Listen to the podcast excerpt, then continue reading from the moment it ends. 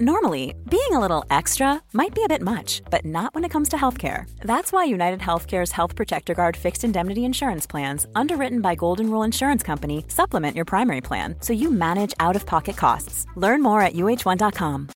Millions of people have lost weight with personalized plans from Noom, like Evan, who can't stand salads and still lost 50 pounds. Salads, generally, for most people, are the easy button, right? For me, that wasn't an option. I never really was a salad guy. That's just not who I am. But Noom worked for me. Get your personalized plan today at Noom.com. Real Noom user compensated to provide their story. In four weeks, the typical Noom user can expect to lose one to two pounds per week. Individual results may vary.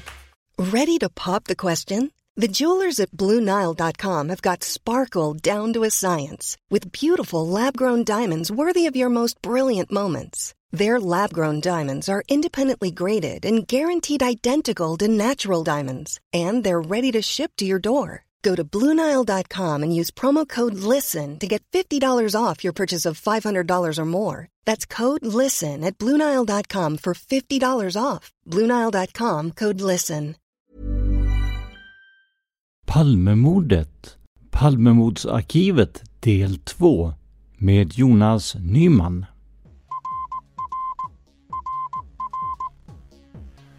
Sveriges statsminister Olof Palme är död. 90 000. Ja, det är mord på Sveavägen. Hörde de säger att det är Palme som är skjuten. Mordvapnet med säkerhet är en Smith Wesson, en revolver kaliber .357.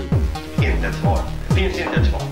För jag har inget. Och jag har inte varit Varför skulle jag Polisen söker en man i 35 till 40-årsåldern med mörkt hår och lång mörk rock. Välkomna till podden Palmemordet som idag görs av mig, Tobias Henriksson, tillsammans med Jonas Nyman.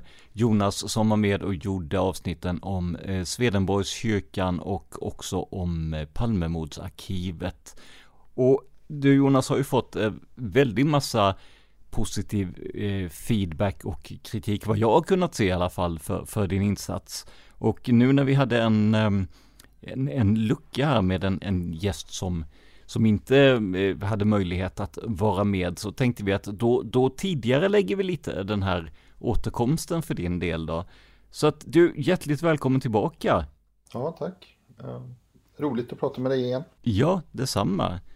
Och som sagt, du var ju med då för några månader sedan och berättade ju om eh, Leif, religionshistorikern, och en eh, högerextrem grupp som brukade träffas i Swedenborgskyrkans fastighet. Eh, eh, hur, hur har det gått med, med de här efterforskningarna sedan dess kan vi börja med? Eh, ja, jag jobbar inte lika intensivt med det som jag gjorde eh, för något år sedan, men det är fortfarande stort intresse. Det är många som hör av sig och, och lämnar uppgifter och eh, vill veta mer och sådär. Så att, Eh, Eh, bara förra veckan så hade jag till exempel en dansk journalist här. Eh, han håller på att göra en dokumentärfilm eh, om Stay Behind och också då gruppen i Swedenborgskyrkan. Så han var här förra veckan och träffade då Leifs änka Maria och han fick också en intervju med Ivan von Birchan. Jag vet inte hur det gick men jag hoppas att det gick bra för dem. Ja, eh, Ivan von Beersen har ju haft eh, förmånen att prata med. Jag kan säga att det lär inte vara brist på material i alla fall efter den här intervjun för att eh, Ivan, Ivan pratar ju mycket och gärna och sen är det ju, ja, man får, man får ju hålla kanske ett, ett litet öra på vad som verkar rimligt och vad som inte är det. Men det, det är ju en helt annan sak. Ja, men vad, vad, vad intressant han har ju en eh, förmåga att dyka upp och han kommer faktiskt, eh, vi kommer prata om honom här i podden idag också. Så. Eh. Han dyker upp lite varstans. Men är det, mm, ja, någonting annat spännande utöver, utöver det här då? Ja, ibland så har man tur. Så för bara ett par, tre dagar sedan så fick jag ytterligare ett par pusselbitar på plats. Jag kan inte säga så mycket om dem för det, det handlar om individer som fortfarande är i livet. Ehm, men det handlar om en man som jag har känt till namnet på ett tag. Men jag, jag, förstod inte hur han passar in i, i den här gruppen och i en möjlig konspiration och sådär. Så, men för ett par dagar sedan så fick jag några tidningsklipp från en kille som är aktiv i Palmemordsarkivets Facebookgrupp. Och de artiklarna nämnde då den här personen och det hjälpte mig då att få in den här mannen i, i den större bilden. Och eh, det kopplar alltså bättre ihop den här biografmaskinisten på Grand, eh, Bertil Lantz, med, med ett gäng högerextremister i Societe Savantus Gardie, Sveriges nationella förbund och då den här gruppen som eh, bereder sitt tillträde till Swedenborgskyrkan. Eh, så det det är en filmintresserad högerextremist som i alla fall på 90-talet höll kurser där han lärde upp biografmaskinister och, det är där vi ser kopplingen då till, eh, eh, till Grand och andra personer som har jobbat på biografer. Spännande. Eh, jag tänkte på det, jag nämnde ju här att du har fått mycket positiv feedback eh, vad vi har sett på Facebook-sidan och så liknande. Men hur, hur har du själv upplevt det här med Swedenborgskyrkan och det? Har du fått eh, kritik, feedback eh, på de tidigare poddavsnitten? Jag tänker, eh, änkan Enkan hade ju ganska, ganska många synpunkter minst sagt. eh, det har varit eh, överväldigande mycket feedback och, och 99,9% eh, har ju varit väldigt positivt. Eh, du och jag har ju pratat om eh, Maria och eh, hennes åsikter och sådär. Och du vet ju att jag gick igenom dem väldigt noga och eh, det föranleder ju inga ändringar eller rättelser från min sida. Utan så vitt jag vet så är allt jag sa fortfarande korrekt. Jag kan berätta då att Maria och jag har, har pratat flera gånger sedan dess och vi kommer mycket bättre överens nu. Så att det, det har, det har blivit bättre. Ja, ja men det, det är härligt för att det, det kändes ju som att det inte gärna kunde bli mycket värre ett tag där. Nej då, det var, jag, alltså jag förstår henne. Det är ju ett fruktansvärt ingrepp i människors privatliv när man gör sån här. Så att jag har full förståelse för det, att, att hon kände sig påhoppad och sådär. Eh, däremot så ska jag passa på att rätta ett sakfel. Eh, det är en helt annan sak som har påtalats för mig att det, det kan inte stämma. Och det var så här att efter att jag hade medverkat i podden så fick jag kontakt med en man som idag bor i Swedenborgskyrkans fastighet. Så att jag blev inbjuden till huset och fick då en liten rundvandring eh, och se då hur huset eh, ser ut på insidan och också det här loftet eller vinden högst upp. Och det är ju då att enligt handlingen i Palmeutredningen som jag baserade min research på så skulle ju den här högerextrema gruppen ha haft sina möten uppe på loftet. Eh, men det verkar som att det är ett missförstånd någonstans. Det här loftet är i själva verket en, en kallvind, eh, oinredd och eh, den är helt full med lägenhetsförråd, alltså sådana här 2 tum 4 eh, virke och så bara hönsnät. Eh, jag, jag var uppe där och det såg det såg ut som att det var byggt för ganska länge sedan så att jag tror att det är ganska, det är nästan uteslutet att de var där uppe. Utan det är nog ett missförstånd och vad som menas i det här dokumentet i Palmearkivet är helt enkelt att det är lägenheten högst upp i huset. Och det var ju André Edelfelts lägenhet så att det var väl där de var. Ja men det, det är bra att få, få det utrett där. Eh, jag tänker, vi har ju lyssnat igenom tre stycken, eh, ska vi kalla det jubileumsavsnitt här när vi firade 300 avsnitt och eh, då, då fick vi ju en, då fick vi ju, du skickade ju in en fråga där just om vad panelen tyckte om Palmemordsarkivet och de var ju väldigt positiva, alla från Gunnar Wall via David Lyning till Juan Esposito och så givetvis jag och Dan där. Men alltså hur går det med själva arkivet nu för tiden sen vi pratades vid senast? Det rullar på ungefär som förut, eh, lite långsammare kanske. Vi lägger upp nya dokument ja, i snitt varannan dag eller så. Eh, Mattias Kressmark vet jag håller på och jobbar med en jättestor samling med protokoll från ledningsgruppens möten. Eh, jag tror att vi har alla mötesprotokoll från 1986. Eh, han har fortfarande bara hunnit lägga upp en liten del av dem än. Men det, det är en fantastisk samling att ha. Och sen jag själv då, eh, jag fick ut och har lagt upp alla handlingar i uppslaget om Ivan von Birchan. Jag sa ju att vi skulle prata om honom. Ja, precis. Det, det är ju ett, ett jättestort uppslag och jag vet att det är väldigt många som har väntat på det. De är väldigt hårt maskade men tack vare att Ivan von Birchan ofta pratar om saker så vet vi ungefär vad som ska stå i dokumenten så att jag tror att det går att läsa dem. Eh, och sen kom det in frågor om vi kunde få förundersökning mot Christer Pettersson, så den har jag lagt upp också då. Lars Larsson hade en kopia på sin hemsida. Jag tror att de är inte tillgängliga längre så det var därför vi blev ombedda om vi kunde ha en kopia hos oss då. Det gör vi ju gärna. Sen har vi andra spännande saker. Eh, jag tror det är 50 handlingar från uppslaget om Harvard-ärendet, eller Harvard-affären.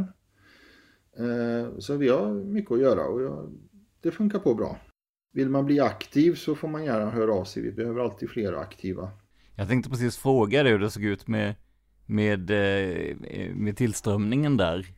Ja, det är dåligt. Så att det, är, det, det är i princip bara jag och Mattias Kressmark som jobbar aktivt med handlingarna och vi skulle behöva en eller två till. Men då slänger vi ut en, en krok den här gången också då. Eh, hur, hur, kommer man i kontakt med om man är intresserad av att vara delaktig och vara lite mer aktiv? Ja, det är bara att posta i Facebookgruppen eller skicka ett privat meddelande. Så... Eller, eller mejla till, mejla till arkivets mejladress. Alltså, en av anledningarna till att det alltid är så kul att, att prata med dig, det är ju att du, du, har ju bra koll på arkivet och du, eh, ja men du lyckas leta fram en hel del kul grejer. Eh, så jag, jag tänkte, vi kan ju låta dig presentera, vad, vad är det vi ska ägna det här avsnittet åt mycket?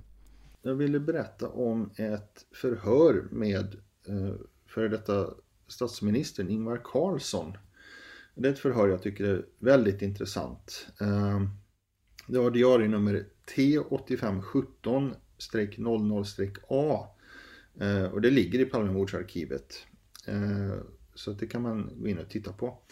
Eh, och det är intressant därför att vi fick ett par versioner med olika maskning och sådär. Så att jag ska berätta lite hur, vi, hur jag har gått igenom det här. Och det är, det är något skumt med det här, alltså polisen vill Polisen ville inte lämna ut den här handlingen men, men vi, vi, vi, vi tar det från början här då. Vad, vad, vad är det som är så intressant med, med förhöret och, och ja, vad får man fram av det? Ja, det är en lång historia. Men eh, för det första då så blev jag ju ganska förvånad över att jag överhuvudtaget fick det här förhöret. För att vi, vi visste inte att Ingvar Carlsson hade blivit förhörd 2018. Eh, det, det, är inte tidigare känt att Ingvar Carlsson förhördes i, i närtid. Utan vi har ju haft ett förhör från Karlsson från 1986 och det ligger i arkivet och har legat där ett tag. Och det trodde jag var det enda som fanns. Ehm, men för tre veckor sedan så fick jag ett förhör då från 2018. Tyvärr då så var det väldigt hårt maskat. Alltså väldigt, väldigt hårt maskat. Och polisen hänvisar ju då som vanligt till sekretess eh, av uppgifter om personliga förhållanden. Men av det lilla som man kunde läsa så var det väldigt tydligt att Ingvar Carlsson inte alls pratar om några specifika individer eh, eller personliga, personliga förhållanden. Så det verkar inte finnas några sådana uppgifter alls egentligen. Så jag tyckte att sekretessbedömningen var väldigt konstig och jag bad då om eh, ett myndighetsbeslut, alltså en, en ny sekretessprövning. Och då fick jag ett beslut på sekretess som var ännu konstigare. Ja, men, men, men vänta här nu, det blir ännu konstigare alltså? Ja, jag ska förklara. Okej. Okay. Eh, förutom då den vanliga juridiska motiveringen som de alltid har med om att uppgifter om enskildas personliga förhållanden skyddas av sekretess. Så hade de skrivit en extra motivering för just det här förhöret. Och varför det ska omfattas av liksom särskilt hård sekretess. Jag, ska, jag läser ordagrant vad det står i motiveringen. Av uppgifter som lämnats ut framgår att förhöret med Ingvar Carlsson genomfördes år 2018. Den omständigheten i sig och de uppgifter han förhörts om är sådana att de utifrån sin kontext ger förhöret en annan karaktär än om det vore hållet direkt efter mordet. Det ger bland annat information om Ingvar Carlssons kännedom om kännedom om eller koppling till de spår som polisen utredde vid tiden för förhöret och vilka minnesbilder som Ingvar Carlsson har om det. Eh, väldigt konstigt. Ja, men verkligen, men, men, men Ingvar Carlssons kännedom om eller koppling till de spår som polisen utredde, alltså det är ju, vad betyder det här egentligen? Ja, alltså jag tolkar det som att polisen menar att just omständigheten att förhöret hölls 2018 gör att de tycker att de måste maska extra hårt. Och de skriver ju att förhöret innehåller information om Ingvar Carlssons kunskap om eller kopplingar till uppslag som polisen utredde just 2018. Jag tänker så här, det man utredde tidigt 2018, vad finns det för någonting där som skulle kunna ha en koppling till Ingvar Carlsson överhuvudtaget? Jag, jag ser inte riktigt eh, logiken i det de skriver här. Nej, precis. Så att jag, jag har försökt kolla det också då. Så att jag kollade i Palmemordsarkivet vilka andra dokument vi har från 2018. Och eh, vi vet ju sedan tidigare att Palmeutredningen var mycket intresserad av Stay Behind under hela 2018. Och eh, det är alltså strax efter att Skandiamannen har blivit aktuell. Det första förhöret med Thomas Pettersson där han kommer in och berättar om sin research runt Skandiamannen. Det hölls i slutet av september 2017. Så att när Ingvar Carlsson förhörs i januari 2018 så är det troligen högaktuellt. Och de här andra handlingarna vi har i arkivet från 2018 det är bland annat ett förhör med IB-agenten och röjdykaren Gunnar Ekberg eh, som många tycker jag har en koppling till Stay Behind då. Det finns också förhör med tidigare anställda i Skandiahuset. Och det är ju också folk, alltså att Palmeutredningen letar efter om någon har kunskap om Stay Behind i Skandiahuset. Sen finns det förhör med en Lennart Unger eh, och han får också direkta frågor om Stay Behind. Och sen vet vi att Palmeutredningen letade i krigsarkivet efter papper om Stig Engströms anställning på FMV. Eh, och sen har de också förhört sambon till den här löjtnant X eller jägarnissen. Så att eh, du ser här att det finns ett tydligt mönster av att Palmeutredningen undersökte Stay Behind eh, på väldigt bred front. Och att de verkar leta efter en konspiration eh, av personer inom Stay Behind. Och, så, och att man försökte då binda Stig Engström till Stay Behind på något sätt eftersom man inte kände till något annat motiv för Stig Engström att, att mörda Palme. Men, men jag är fortfarande sådär, jag, jag fastnar ju kanske i ordvalet här, men, men Eh, man pratar ju om Ingvar Carlssons kännedom om eller koppling till de spår. Ja. Jag tycker att det där känns lite kännedom om spåren. Det, det kan man väl till nöds förstå att vissa saker inte skulle komma ut även om nu utredningen är nedlagd. Men, men ja, vad, vad, vad tänker du när de säger ordet koppling också? Ja, jag vet inte hur man ska tolka det riktigt. Alltså, Eh, vi ska gå igenom hela förhöret nu och så får vi se då. Alltså, han får ju frågor om Stay Behind till exempel. Eh, och han får frågor om Sydafrika och andra saker. Jag har ju svårt att se att det finns en konkret koppling mellan eh, Ingvar Carlsson och någonting av det här. Men alltså, det är ju vad polisen skriver att det är anledningen till sekretessen. Men, men om, vi, om vi då tar och kikar i själva förhöret då med, med Ingvar Carlsson, vad, vad är det som polisen tycker att vi inte ska veta där då? Ja, precis. Eh, jo, det är så lyckligt att trots att polisen maskade förhöret när jag begärde ut det så, så vet jag ändå vad som står i det. Därför att vi har fått ut samma förhör tidigare. Eh, och då de är en helt annan och, och mycket bättre maskning. Så den, den mindre maskade kopian fick jag idag. Så att jag blev tvungen att skriva om hela det här manuset för dagens poddavsnitt. Precis. Det är, det är, det är snabba puckar ibland. Eh, ja, efter 36 år så kan det fortfarande bli akut. Ja, tydligen så är det. Ja, det blev det som sagt. För vår del så, för vår del var det akut eh, i och med att eh, vi hade en gäst som tyvärr drabbats av borrelia som inte kunde vara med av den anledningen då. Så hade vi som sagt tänkt prata lite med dig så det var jättebra att du kunde komma in så, så pass snabbt här. Men, men men det, det här förhöret låter ju jättespännande. Var, berätta lite mer där. Ja, ja vi, precis. Ehm, det, det är ett förhör då som hölls i Ingvar Carlssons bostad i januari 2018. Det är Jonas Englund och Sven-Åke Blombergsson från Palmeutredningen som håller i förhöret. Eh, och Jonas Englund inleder med att ställa en ganska direkt fråga om Ingvar Carlssons syn på att det fanns folk 1986 då som trodde att Olof Palme skulle sälja ut Sverige i samband med statsbesöket i Moskva som skulle ske i mars-april 1986. Det var ju en idé som vi vet florerade i vissa kretsar, till exempel i EAP, bland marinofficerarna och, och inom extremhögern. Men alltså vad, vad, vad svarade Karlsson på det här då? Ja, Karlsson svarar ju att han, han förstår att det är just marinofficerarna som Englund eh, avser och lägger till att det, det fanns grupper som sa att Palme var en potentiell landsförrädare.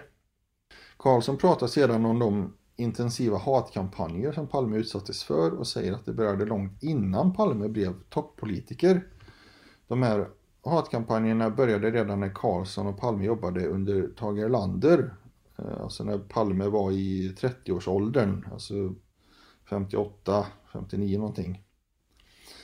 Och så Karlsson nämner ett exempel, en, en särskild artikel i Svensk Tidskrift. Okej, alltså Svensk Tidskrift, vad, alltså till att börja med, vad, vad vet vi om, om den? För jag har inte hört talas om den innan. Eh, det hade inte jag heller. Eh, Svensk Tidskrift är en, en liten tidning som har kommit ut i Sverige under väldigt lång tid, alltså början på 1900-talet eller ännu äldre. Eh, och det var högerns ideologiska organ kan man väl säga. Det var där liksom man testade nya konservativa idéer eller sådär. Eh, och jag fick ju läsa på lite om den och jag blev höggradigt förvånad. På vilket sätt då? Ja men till exempel Tede Palm var redaktör på tidningen eh, under 60-talet. Alltså chefen för underrättelsetjänsten på, på 50-talet. Eh, han är ju väldigt intressant och förekommer i, i spår och i uppslag och sådär. Eh, men han jobbade alltså för Svensk Tidskrift. Och eh, den som skrev den här artikeln Eh, eh, och nidbilden eller vad ska man säga karaktärsmordet på Olof Palme det var en man som hette eh, Gunnar Unger. Och han skrev en liten artikel då där Palme karaktäriseras som en, en vässlelik liten man och beskyllde honom för att han hade svikit sin borgerliga bakgrund. Så det, det, var ett fult personangrepp, men inte, inte mycket mer än så. Alltså det var inget, vi har ju sett värre saker i EAPs texter till exempel. Eh, Alf Åberg jobbade också som redaktör på Svensk Tidskrift. Alf Åberg var professor i historia, jobbade på Krigsarkivet. Eh, han var aktiv medlem i Baltiska kommittén och det var Alf Åberg som höll föredraget på mordkvällen, eh, eftermiddagen, eh, inom eh, Karolinska förbundet. Och det är jag ju väldigt intresserad av därför att vi vet att ett par tre stycken av gubbarna i Swedenborgsgruppen besökte just det föredraget. Eh, och det var ju det som det är samma krets av personer som sin gärningsmannaprofil B åberopar som sitt alibi. Så det, det är en väldigt, väldigt konstiga kopplingar här och sammanträffanden. Men om vi, om vi återkommer till um, det här förhöret med Ingvar Carlsson, då, vad, vad, vad pratar man mer om sen efter det här med Svensk Tidskrift?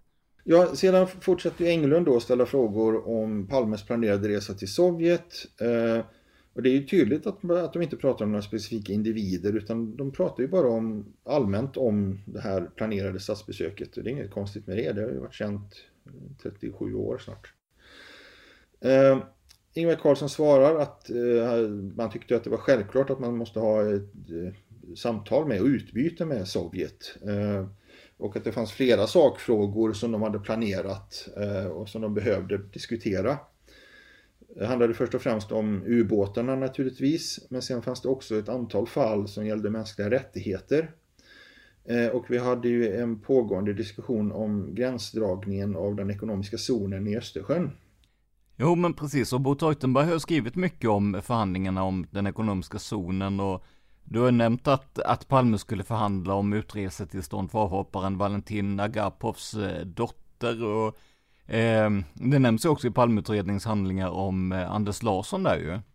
Ja, precis. Det är, det är sådana här märkliga eh, sidospår och anekdoter som, som är så intressanta.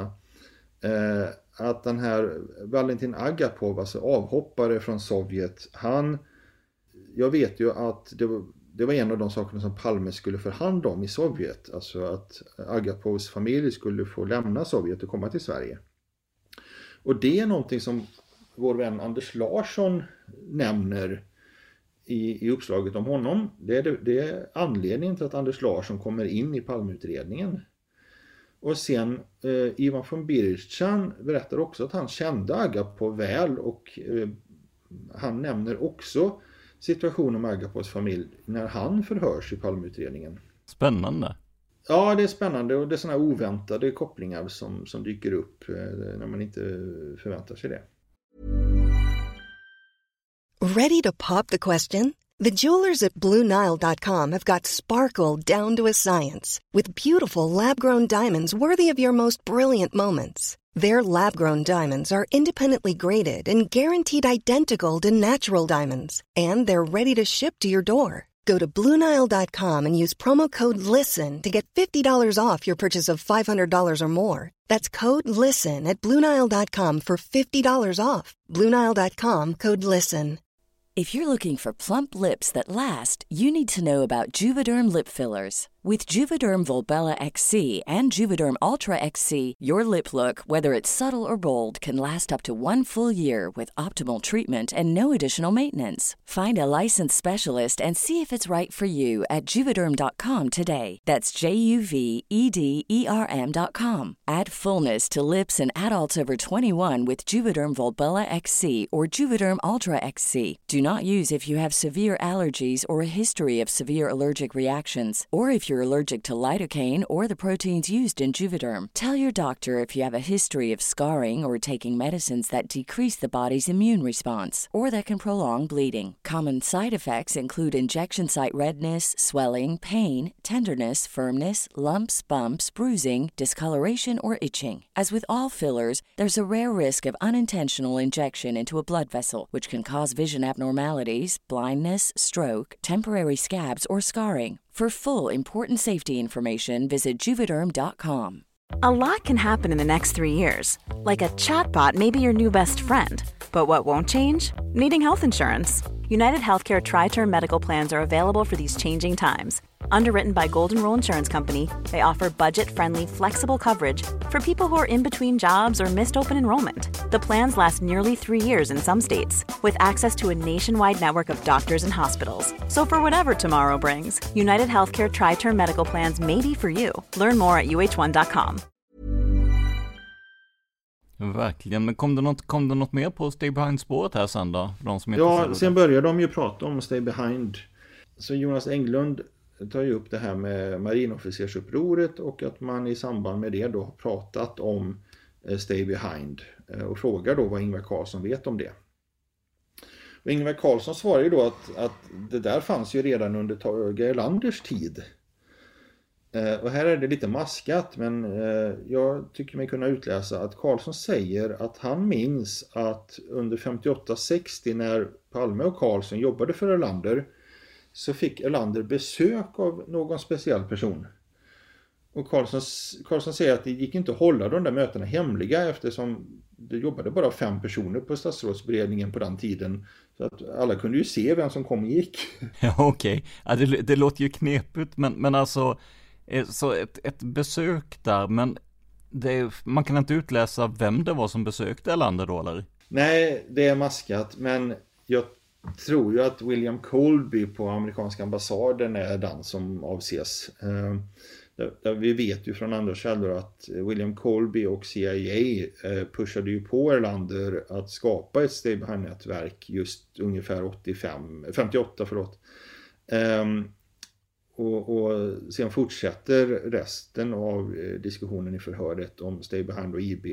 Men det är helt maskat va. Men, Eh, en, en liten utvikning från min sida då, för att när vi pratade om i, i avsnittet om Palmemordsarkivet så vill jag minnas att du sa att just det som rör Stay Behind och kretsarna däromkring, det har varit väldigt mycket maskning på det. Är det eh, minns jag rätt där? Nej, det är helt riktigt. Och eh, jag tycker att det är samma mönster vi ser här att de papperna som handlar om Stay Behind, de beläggs med sekretess i stor utsträckning och polisen skriver ju alltid en motivering för varför de omfattas av sekretess. Och just när det gäller Stabeheim så är motiveringarna väldigt, väldigt utförliga och långa och välskrivna. Och det var fallet med det här förhöret med Ingvar Carlsson också. Att jag fick alltså en, en det var inte den här standardtexten som de kopierar och klistrar in i alla beslut. Utan här hade de skrivit det särskilt.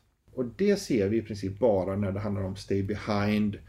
Vi såg det också när det gällde avlyssningen av Neshinski. Ja, Kjell-Arne Karlsson, den här eh, polisen, högerextrem polis. Eh, där fick vi också stenhård sekretess alltså. Jo, men, men eh, du sa ju det här om att du hade fått det här dokumentet som vi pratar om nu, i, i, så att säga, att, eller ni har tillgång till det i två olika versioner. Eh, och du pratar om överklagan och sånt där. Men hur, om det nu är så att man får ut ett dokument, vi kan väl bara upprepa det då för, för, eh, för lyssnarna här. Om det är ett dokument som är väldigt maskat och man tycker att det är maskat på, på felaktiga grunder, hur kan man gå tillväga då? Då mejlar man tillbaka till polisen och så säger man att jag tycker att det är felaktigt maskat och så kanske man säger någon anledning till varför man tycker det. Och så ber man om ett myndighetsbeslut på sekretessen. Och då måste polisen göra om sekretessprövningen och då skriva ett officiellt eh, formellt beslut där de motiverar och liksom hänvisar till vilka lagparagrafer som motiverar eh, sekretessen. Och eh, det, det, tycker jag att man ska göra ganska ofta för att det är ofta fel och, och jag tycker det är bra att polisen måste alltså, tvingas att motivera eh, maskningen. Men hur, hur, funkar det då om vi, vi fortsätter på det här spåret? Om du och jag skulle överklaga samma dokument eller begära en, en, eh, ett myndighetsbeslut på det här. Skulle ditt myndighetsbeslut så att säga gälla för, för mig också när jag begär ut eller måste man göra en ny prövning vid varje tillfälle det begärs ut? De gör en ny prövning för att de betraktar det som, som separata ärenden så att de gör en ny sekretessprövning för, för varje begäran som skickas in. Eh, det är, ju, det är ju därför vi ibland får ut samma dokument med olika maskningar. Och i det här fallet så var ju diskussionen om Stay Behind och, och IB helt maskade. Men vad, vad, vad hände sen i det här förhöret med Ingvar Carlsson då? Eh, ja, sen, eh, sen började de prata om eh, hatkampanjerna mot Olof Palme och det aggressiva tonläget som, som rådde på den tiden. Och Ingvar Carlsson berättar till exempel då att han vid något tillfälle innan mordet skrev ett brev till Moderaternas partiledare Ulf Adelsson. Eh, Carlsson hade reagerat på eh, dels den här piltavlebilden. Precis. Ja, och sen också hade man kastat omkring en docka som skulle föreställa Palme på ett moderatmöte och det tyckte Karlsson var väldigt eh, olämpligt. Så att Eh, han varnade väl Adelsson då att, att sådana där saker kan leda till farliga saker om en politisk kampanj drivs för långt och blir, blir ful helt enkelt. Sen i efterhand så har jag hört versionen att den här, att de, de som talade på den här eh, eh, moderatmötet eller den här moderatstämman där. Att de försökte bara peta ner den här dockan från scenen säger de, medan det på bilderna ser ut som om man sparkar ner det, sparkar mot den här dockan då, så att eh, beroende på vilken vilken eh, inställning man har eh, så är det lite olika historier där. Men eh, ja, det, det, det, var ingen, eh, det var ingenting som förhoppningsvis skulle kunna ske idag i alla fall då. Nej, det har ju blivit bättre. Ja, sen en bit senare så säger Blombergsson eh, att han började jobba på Säpo 1999 och att då ska han ha fått hört någonting konstigt. Och eh, så säger han att Ingvar Carlsson ska ha fått det här eh, bekräftat från ett annat håll också. Och det, det går inte att utläsa vad det är han syftar på men frågan omedelbart efter handlar om hur förhållandena var mellan Olof Palme och den amerikanska ambassaden efter Palmes kritik mot bombningarna av Hanoi i Vietnam. Och det gör ju att jag funderar på om Blombergsson frågade om Palmes kontakter med USAs ambassad under 50-talet. Eh, Dagens Nyheter visade ju eh, 2008 att Palme hade lämnat information till amerikanska ambassaden på 50-talet och det var ju förresten eh, Thomas Pettersson som grävde fram eh, uppgifter om det. Så det, det förtjänar han eh, cred för. Va? Och vi vet ju då, alltså, jag tror att det var Thomas Pettersson som grävde fram just det att Palme hade på ambassaden pekat ut tre misstänkta kommunister i den socialdemokratiska föreningen Clarté. och sen finns det ju också andra påståenden om att Palme skulle ha värvats av CIA, eventuellt då när han pluggade på Kenyon College i Ohio. Eh, Leif GW Persson till exempel har ju pratat om det. Så, men jag tycker vi ska... Att Palme lämnade information till USAs ambassad, det är belagt, det vet vi. Men att han skulle ha värvats av CIA, det är ju fortfarande en spekulation. Men jag tror att det är det här som Englund frågade Ingvar Carlsson om. Eh, Karlsson verkar ovetande eller förnekar åtminstone någon kunskap om det här. Vad händer efter det här att Karlsson pratade om att det är farligt, farlig politisk kampanj och det här? Jo, eh, Eh, Jonas Englund då, eh, han säger att det ska ha funnits farhågor från amerikanskt håll om att Palme skulle kandidera till generalsekreterare för FN. Och att han i så fall skulle få starkt stöd från tredje världen och att man skulle kunna förvänta sig att han skulle kunna bli vald då till generalsekreterare. Och det låter ju som att England syftar på EAP eh, eller amerikanska La Rouge-rörelsen. De förde ju fram sådana idéer i sin veckotidning Executive Intelligence Review. Alltså jag tror inte att, när han säger från amerikanskt håll, jag tror inte att det är den amerikanska regeringen som hade den hållningen. Eh, Karlsson svarade att han hade pratat med Palme om det som ett alternativ. Eh, men sen lägger han till två långa stycken som vi tyvärr inte kan läsa då så att eh, jag vet inte helt enkelt. Eh, sen byter de ämne och Englund ställer en fråga som jag aldrig någonsin trodde att jag skulle få läsa i ett förhör i Palmeutredningen. Och det är ju ändå ganska intressant för du har sett ganska många förhör från Palmeutredningen med tanke på din position eh, med, med Palmemordsarkivet där ju. Jag har läst mycket konstigt, det är sant. Eh, jo, Englund tar upp Ivan von Birchan och hans förvarning om mordet. Och det här är alltså fullständigt maskat i den kopian som jag fick ut. Men det gick att läsa en del om det i en annan kopia då. Eh, och bara för att påminna oss själva då, Ivan von Birchen kontaktade eh, Alf Karlsson på Säpo i januari 86.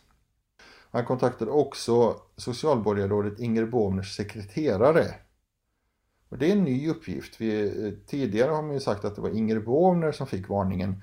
Men hon nåddes aldrig av det utan det var hennes sekreterare som träffade eh, Birchan. Mm. Ja, det, det, kan ju då förklara varför jag fick ett, ett nekande svar från, från Bovner när jag Till exempel. ville, ja, ville intervjua henne om, om, om de här uppgifterna, just det. Ja, Nej, det, det, det är Bovners sekreterare som fick uppgifterna. Nu minns jag inte hennes namn, men vi har det någonstans. Um, sen var det också kriminalkommissarie KG Olsson på Stockholmspolisen. Alla de tre fick eh, liksom varningsmeddelanden i någon form av Ivan von Birchan, flera av dem flera gånger de är ju otydliga och alltså, det verkar aldrig vara att Birchan var inte så specifikt. Han sa inte att Palme skulle mördas. Det var inte riktigt det han sa. Men det är i alla fall väldigt väl belagt att han kontaktade flera olika personer och många gånger så försökte han varna dem för att det skulle hända någonting. Eh, och Birchan har ju alltid insisterat på att det var CIA som var ansvariga för det här kommande attentatet eller sådär. Eh, och eh, det här kan vi läsa mer om för att vi fick alldeles nyligen ut hela uppslaget om Ivan von Birchan, HA 9803. det, det är ett stort uppslag som vi har publicerat nu. Ja, intressant. Jag kan påminna om att vi har intervjuat Ivan von Birchan som vi sa och det, det finns all anledning att lyssna på de avsnitten även om man kanske tycker att en del av det han säger är lite konspiratoriskt eller att han har, ja men han, han är en väldigt färgstark person med mycket åsikter. Eh, men det innebär ju inte att allt han säger är, är, inte går att lita på utan som vi ser här så är det ju faktiskt så att en del av det ska man ju lita på för det har vi fått fram nu i, i utredningen här också ju så att eh, det kan vara ett tips. Men nu ska du få höra vad Englund tycker om von Birchans trovärdighet. Okej. Okay. Englund säger att von Birchan tidigt avfärdades som mytoman Eh, och det är ju någonting som vi också har eh, vetat att han avfärdades. Men sen säger Englund att en del av de uppgifter som Birchan lämnat tidigare faktiskt stämmer. Och bland annat då så ska Birchan redan 86 ha redogjort för bombdåd i Europa som CIA ska ha utfört och som blivit officiellt klargjorda långt, långt senare. Eh, tyvärr så specificerar inte Englund vilka sprängdåd det är eh, som skulle avses här då, men men alltså det, alltså hur, hur många sprängdåd kan det finnas för den tiden? Alltså hur mycket, har vi någon gissning på det eller? Jag har googlat lite och eh, jag tror att det de menar är kamratflygkraschen. Det är nog det som är mest sannolikt att det är det de syftar på. Kamratflygkraschen, alltså det var ett litet privat flygplan som kraschade 1980 i Portugal och med Portugals premiärminister och försvarsminister ombord. Eh, och eh, det har alltid, sedan 1980 så har det alltid funnits liksom konspirationsteorier och påståenden om att det var något fulspel bakom att det i själva verket var en bomb ombord planet som gjorde att det kraschade. Ja, vi kan inte veta eftersom Englund inte sa vad han syftade på men det, det tror jag är det mest troliga. Men, men Karlssons svar på det, vad, vad, vad kände han till om något då? Bierchan och förvarningen och så här? Nej, han svarar väldigt undvikande och jag tycker att det är ett konstigt svar. Eh, det är faktiskt ett nonsenssvar som politiker gör ibland. Alltså, han, han säger att han... Karlsson säger alltid samma sak när folk påstår olika saker. Så när journalister frågat honom om någonting så svarar han alltid att han är inte polis och därför kan han inte be göra bedömningar av, av sådana saker. Och därför vidarebefordrar han bara sån information till polisen. Eh, Okej, okay. ja. Ja, jag, jag har lite svårt att tro att en uppenbart intelligent och, och redig karl som Ingvar Carlsson skulle vara så liksom ointresserad och nonchalant i, i en fråga som präglat hans liv så mycket som mordet på Olof Palme. Jo, men verkligen. Man behöver ju inte vara polis för att kunna eh, ja, men, göra ett övervägande om en sak är rimlig eller inte eller för att ha en egen, en egen åsikt i, i frågan och det är ju det som det är ju därför han sitter i förhör och inte är polis just för att de vill ha fram vad han känner till eller vad han ja, tror sig veta. Ja, alltså det är klart man ska ge honom att det har gått väldigt lång tid men jag, jag tycker det var ett konstigt svar. Men är det någonting mer i, i förhören sen då som eh, kommer fram? Ja, sen är det svårt. Det är väldigt, väldigt mycket maskat. Eh, fram tills att vi kommer till ett riktigt häpnadsväckande uttalande av Jonas Englund igen. Han säger att vi, alltså Palmeutredningen, tycker sig se ett mönster av att desinformation har spridits och fortfarande sprids. Vi ser till exempel då att Christer Pettersson hängs ut som gärningsman år efter år. Eh, eller i fallet Hans Holmér och Ebbe Karlsson att PKK-spåret blir heligt. Liksom. Eh, nu citerar jag bara Englund här va. Men, men alltså en, en utredare i Palmeutredningen säger det att, att PU tycker sig sett att desinformation sprids. Alltså, alltså, ja men så att spåret Christer Pettersson till exempel som gärningsman, skulle det vara, skulle det vara ren desinformation då eller? Ja, du förstår att jag hoppade till när jag läste det här. Verkligen. Eh, och så antyder han då att PKK-spåret var, ja kanske inte ett falsarium, men av samma sort som Kejsarens nya kläder ungefär. Att det är något du bara ska tro på även om det inte är logiskt. Men, men, men, men, men, alltså nu, nu blir ju, nu blir ju jag ganska paff här måste jag säga. Jag förstår att du hoppade till också där, men, men det här är ju det spåret som alltså just Christer Pettersson och dessförinnan, eller? Ja, de två största spåren ja, eller hur? Ska vara, ska vara desinformation och falsarier. Och det säger alltså en kriminalinspektör i Palmeutredningen säger det. I, i, en, I ett dokument eller i ett sammanhang som senare kommer att bli ett dokument i samma utredning. Det här är ju i ett förhör med statsministern. Ja, precis. Ingvar Carlsson. Nej, men alltså det är häpnadsväckande. Jag tycker ju att, att någon borde söka upp Englund och fråga vad han menar med detta egentligen. Absolut. Det sätter jag på min att göra-lista kan jag känna. Eh, men, men vad, vad, vad sa Karlsson om det här då? Det här ganska absurda påståendet, eller uttalandet i alla fall samma undfallande svar om att prata rent generellt om att ja, konspirationsteorier uppstår alltid när kända personer mördas. Ungefär så svarar han. Englund ger sig inte. Han fortsätter och säger spännande saker. Eh, till exempel så nämner han att det finns uppslag i Palmeutredningen som är väldigt intressanta och som har varit intressanta under hela utredningstiden. Och där man aldrig har gått till botten och utrett det färdigt. Och Ingvar Carlsson nämner eh, själv då Sydafrika som ett möjligt sånt eh, uppslag som han tycker är intressant och något som man borde ha gått till botten med. Ja, och där såg vi ju introduktion till Sydafrikaspåret som jag gjorde för ett tag sedan att där var det ju dokument som blev liggande citat, eller ja, citat ur minnet i alla fall i någon gammal chefskassaskåp ungefär då i tio år. Det kom in ett tips eh, om det var 86 och så blev det mm, så att säga utrett 96 då så att jag, kan ju förstå hans, eh, jag kan förstå hans sympatier eh, för, för just Sydafrikaspåret att det inte var ordentligt utrett. Eh, jag vet vad du syftar på. Det var ju akademiledamoten Per Westberg är det väl? Eller Westerberg, vad heter det? Ja, jo, det stämmer. Han, han skickade ett brev till Hans Holmer redan liksom ja, måndagen efter mordet eh, och pekade ut då Sydafrika och nämnde till och med Craig Williamson vid namn i brevet, alltså andra, tredje mars någonting. Eh, Hans Holmer eh, la brevet i sitt kassaskåp på kontoret eh, där det liksom glömdes bort. Eh, när eh, Hans Holmér fick kicken så fick man ta dit en låssmed som borrade upp eh, eh, kassaskåpet. Och då upptäckte man det här brevet, slarvade bort det. Eh, och sen återupptäcktes det när Sydafrikaspåret blev aktuellt igen 1996. Alltså det, det, är en helt otrolig historia. Jag tror att det nämns i GRK. Ja, det är därifrån jag har fått det. Jag, det är därför jag inte har fått lika utförligt som, som dig. Utan eh, det, det som jag tog om utredningen och kritiken mot utredningen vad gällde Sydafrikaspåret kommer från GRK, så att det stämmer bra. Jo, men det är häpnadsväckande historia, um, hur illa det kan gå. Men vad kommer de in på sen då? Är det, är det fortsatt med Sydafrika eller vad händer? Ja, eh, de pratade, började faktiskt prata om Hans Holmér och hur liksom, olämplig han var. Eh, och Ingvar Carlsson säger någonting väldigt konstigt här. Eh, han säger att vi måste påminna oss själva om att regeringen har ingen formell möjlighet att avsätta Holmér. Utan att man eh, först efter ett år så kunde man flytta ansvaret för Palmeutredningen till riksåklagaren. Eh, jag antar att alltså, från Hans Holmér nästan personligen så, så flyttar man bort ansvaret till, till riksåklagaren.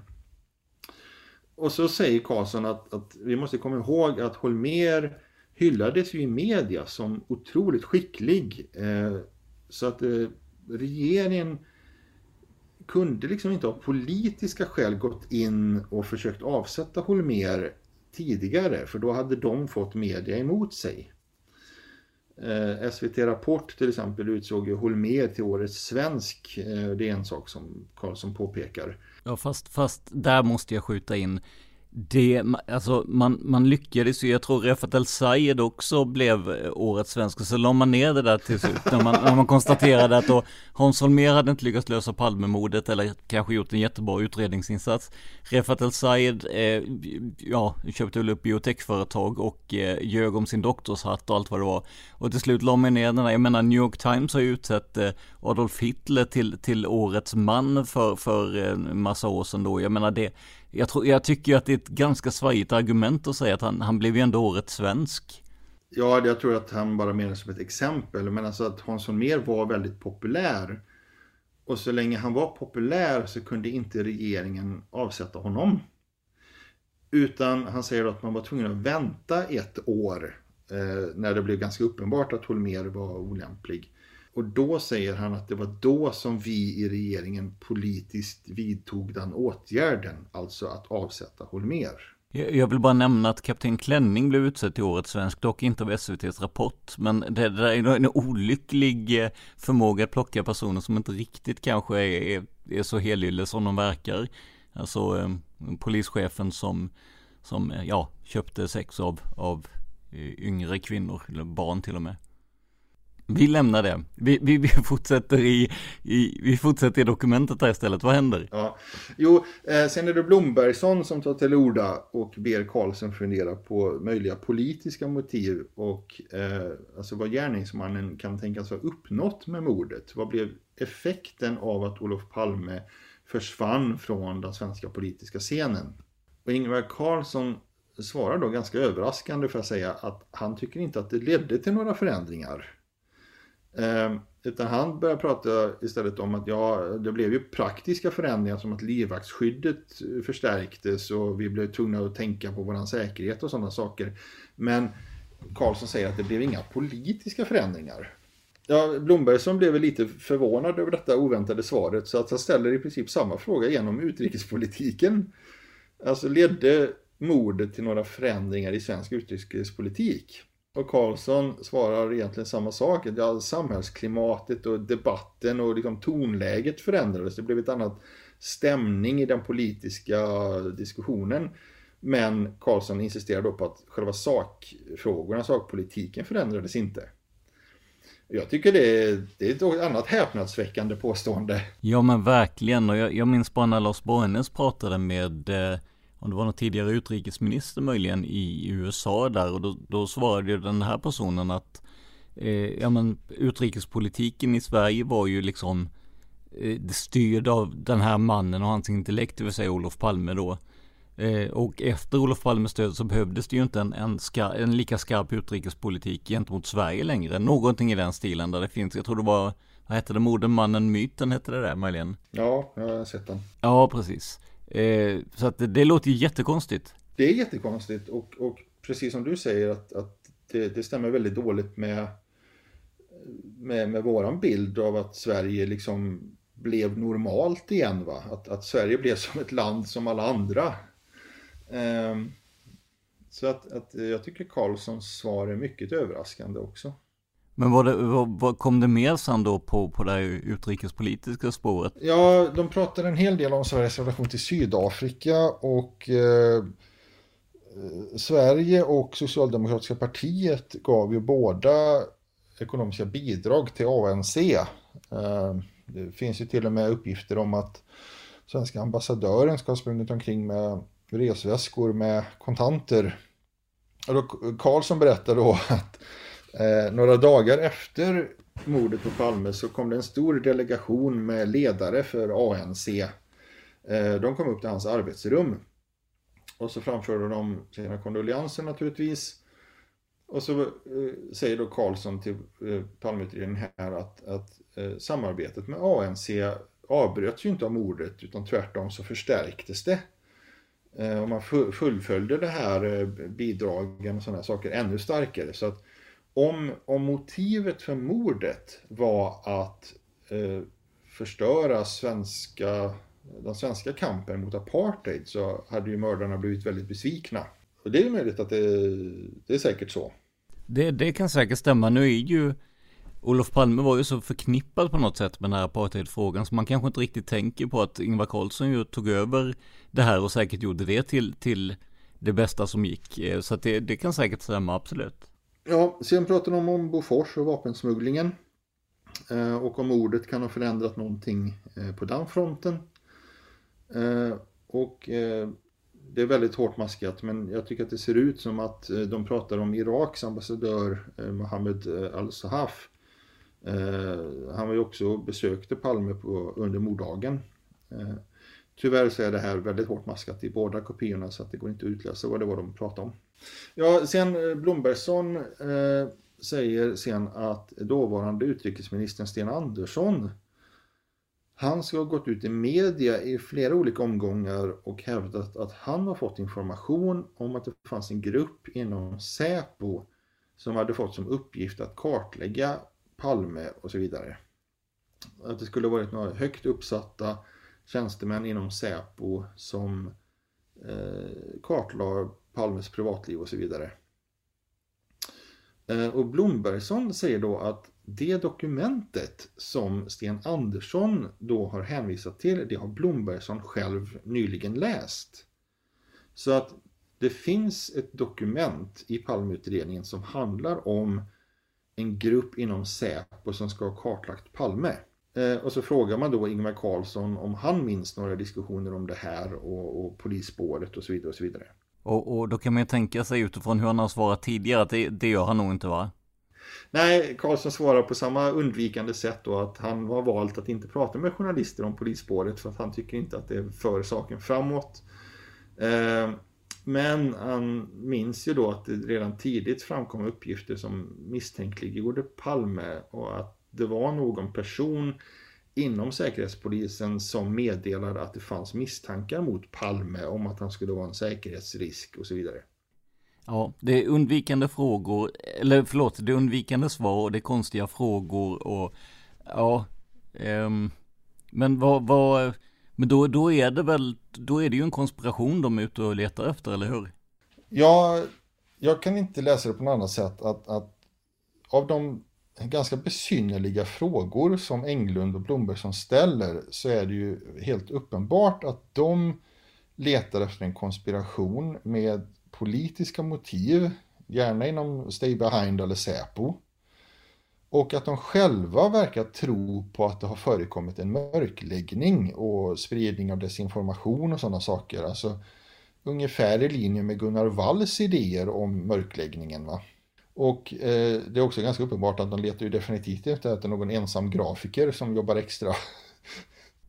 Nej, men det är ju ganska intressant då. Alltså nu, nu, eh, ja men två år senare ungefär då, när, när allting verkligen smällde till 2020, då är man tydligen övertygad om att det var Stig E eller Skandiamannen som sköt Palme och då pratar man ingenting om några, ja men konspiratörer. Precis, och det är väldigt konstigt. Alltså vad var det som fick Blombergsson och Englund då att ändra uppfattning? Ehm, och att, att allt prat om de här eh, konspirationerna och så vidare bara försvinner och att de köper Skandiamannen som ensam gärningsman på bara ja, två, två och ett halvt år. Ehm, jag har svårt att få det att gå ihop. Ja, det, det har jag också. Det här var alltså uppgifter som det var inte meningen att vi skulle få läsa. Nej. Tyckte du, tyckte du att det var mycket, mycket hemliga personuppgifter och sånt där som vi avslöjade nu? Alltså inte jättemycket kan jag inte påstå. Inte en enda skulle jag vilja säga. Ingvar Carlsson är väl, han räknas väl som en, en känd person så att eh, han var dessutom så att säga föremålet för hela, he, hela det här. Så att det var väl ungefär det som avslöjades känner jag. Nej, det är, det, det är ett väldigt, väldigt konstigt förhör och jag, jag hoppas att folk vill läsa detta och fundera på vad det här betyder. Om, om, om du sammanfattar då när du har läst igenom de här dokumenten, vad, vad, vad, vad är din känsla liksom? Vad, vad får du ut av det? För du har ju ändå suttit med en väldig massa dokument och förmodligen lärt dig läsa lite mellan raderna också. Vad, vad, är det, vad är din sammanfattning? Jag tycker att det här förhöret med Ingvar Carlsson från 2018 det är ett av de mest intressanta dokumenten vi har sett. Det är intressant både på grund av de ganska häpnadsväckande frågor och påståenden som palmutredarna kommer med. Ingvar Karlssons svar är också ganska intressanta. Eh, men jag tycker framförallt att det bevisar, nu blir jag lite konspiratorisk, men alltså varför sitter juristerna på polisen och maskar det här dokumentet så hårt? Därför att det står ju ingenting kontroversiellt i det egentligen. Det står ingenting som är menligt för någon enskild om det kommer ut, som det heter. Det här hade man ju kunnat publicera rakt av. Jag blir lite bekymrad. Eh, och det är ju sånt här som skapar konspirationsteorier om inte annat. Och det här är ju, det här är ju verkligen ett förhör där frågorna, som du säger, nästan är mer kontroversiella än svaren. Ingvar Carlsson är undvikande i svaren, men vi får en, en eh, vad ska vi säga, en, en snittbild på något sätt av hur man tänkte 2018 då, två år innan den ensamma gärningsmannen presenterades. Vi får en väldigt intressant bild av Palmeutredarnas egna funderingar, för det är faktiskt det som, som framkommer eh, i deras frågor. Eh, och det har vi inte sett så mycket förut. Men då kan vi, vi kan ju göra så här då för att jag misstänker att det säkert finns någon eller några poliser eh, som har jobbat med Palmeutredningen som, som följer podden. Det kanske finns någon som hjälper till att fatta de här besluten om maskning, jurister liknande. Ni är jättevälkomna att höra av er eh, till oss på podden. Vi hoppas att vi har visat med drygt 300 avsnitt att vi försöker göra ett ja men ett bra och eh, rättvist jobb. Så podden Palmemordet gmail.com så det varit jättekul att få höra den sidan också, för det är faktiskt det vi saknar måste jag säga, genom de här 300 avsnitten, så är det att höra direkt från, ja men från polisen eller från, från jurister och liknande. Med det säger vi stort tack till Jonas Nyman för den här gången, men vi lovar att han och jag kommer att återkomma framöver med mer godbitar ur Palmemordsarkivet. Stort tack för att ni lyssnade på det här avsnittet, men framförallt stort tack för att du lyssnar på podden Palmemordet. Man hittar Palmes mördare om man följer PKK-spåret till botten. Därför att ända sedan Julius Caesars tid har jag aldrig hört talas om ett mord på en framstående politiker som inte haft politiska skäl. Polisens och åklagarens teori var att han ensam hade skjutit Olof Palme. Och det ledde också till rättegång. Men han frikändes i hovrätten.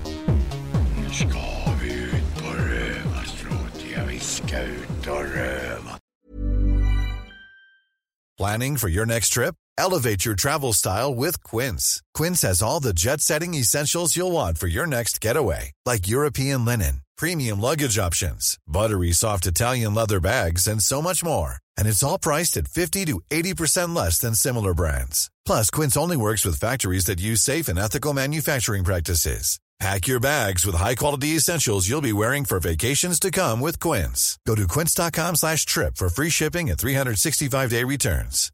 Want flexibility? Take yoga. Want flexibility with your health insurance? Check out United Healthcare Insurance Plans. Underwritten by Golden Rule Insurance Company, they offer flexible, budget friendly medical, dental, and vision coverage that may be right for you. More at uh1.com. Planning for your next trip?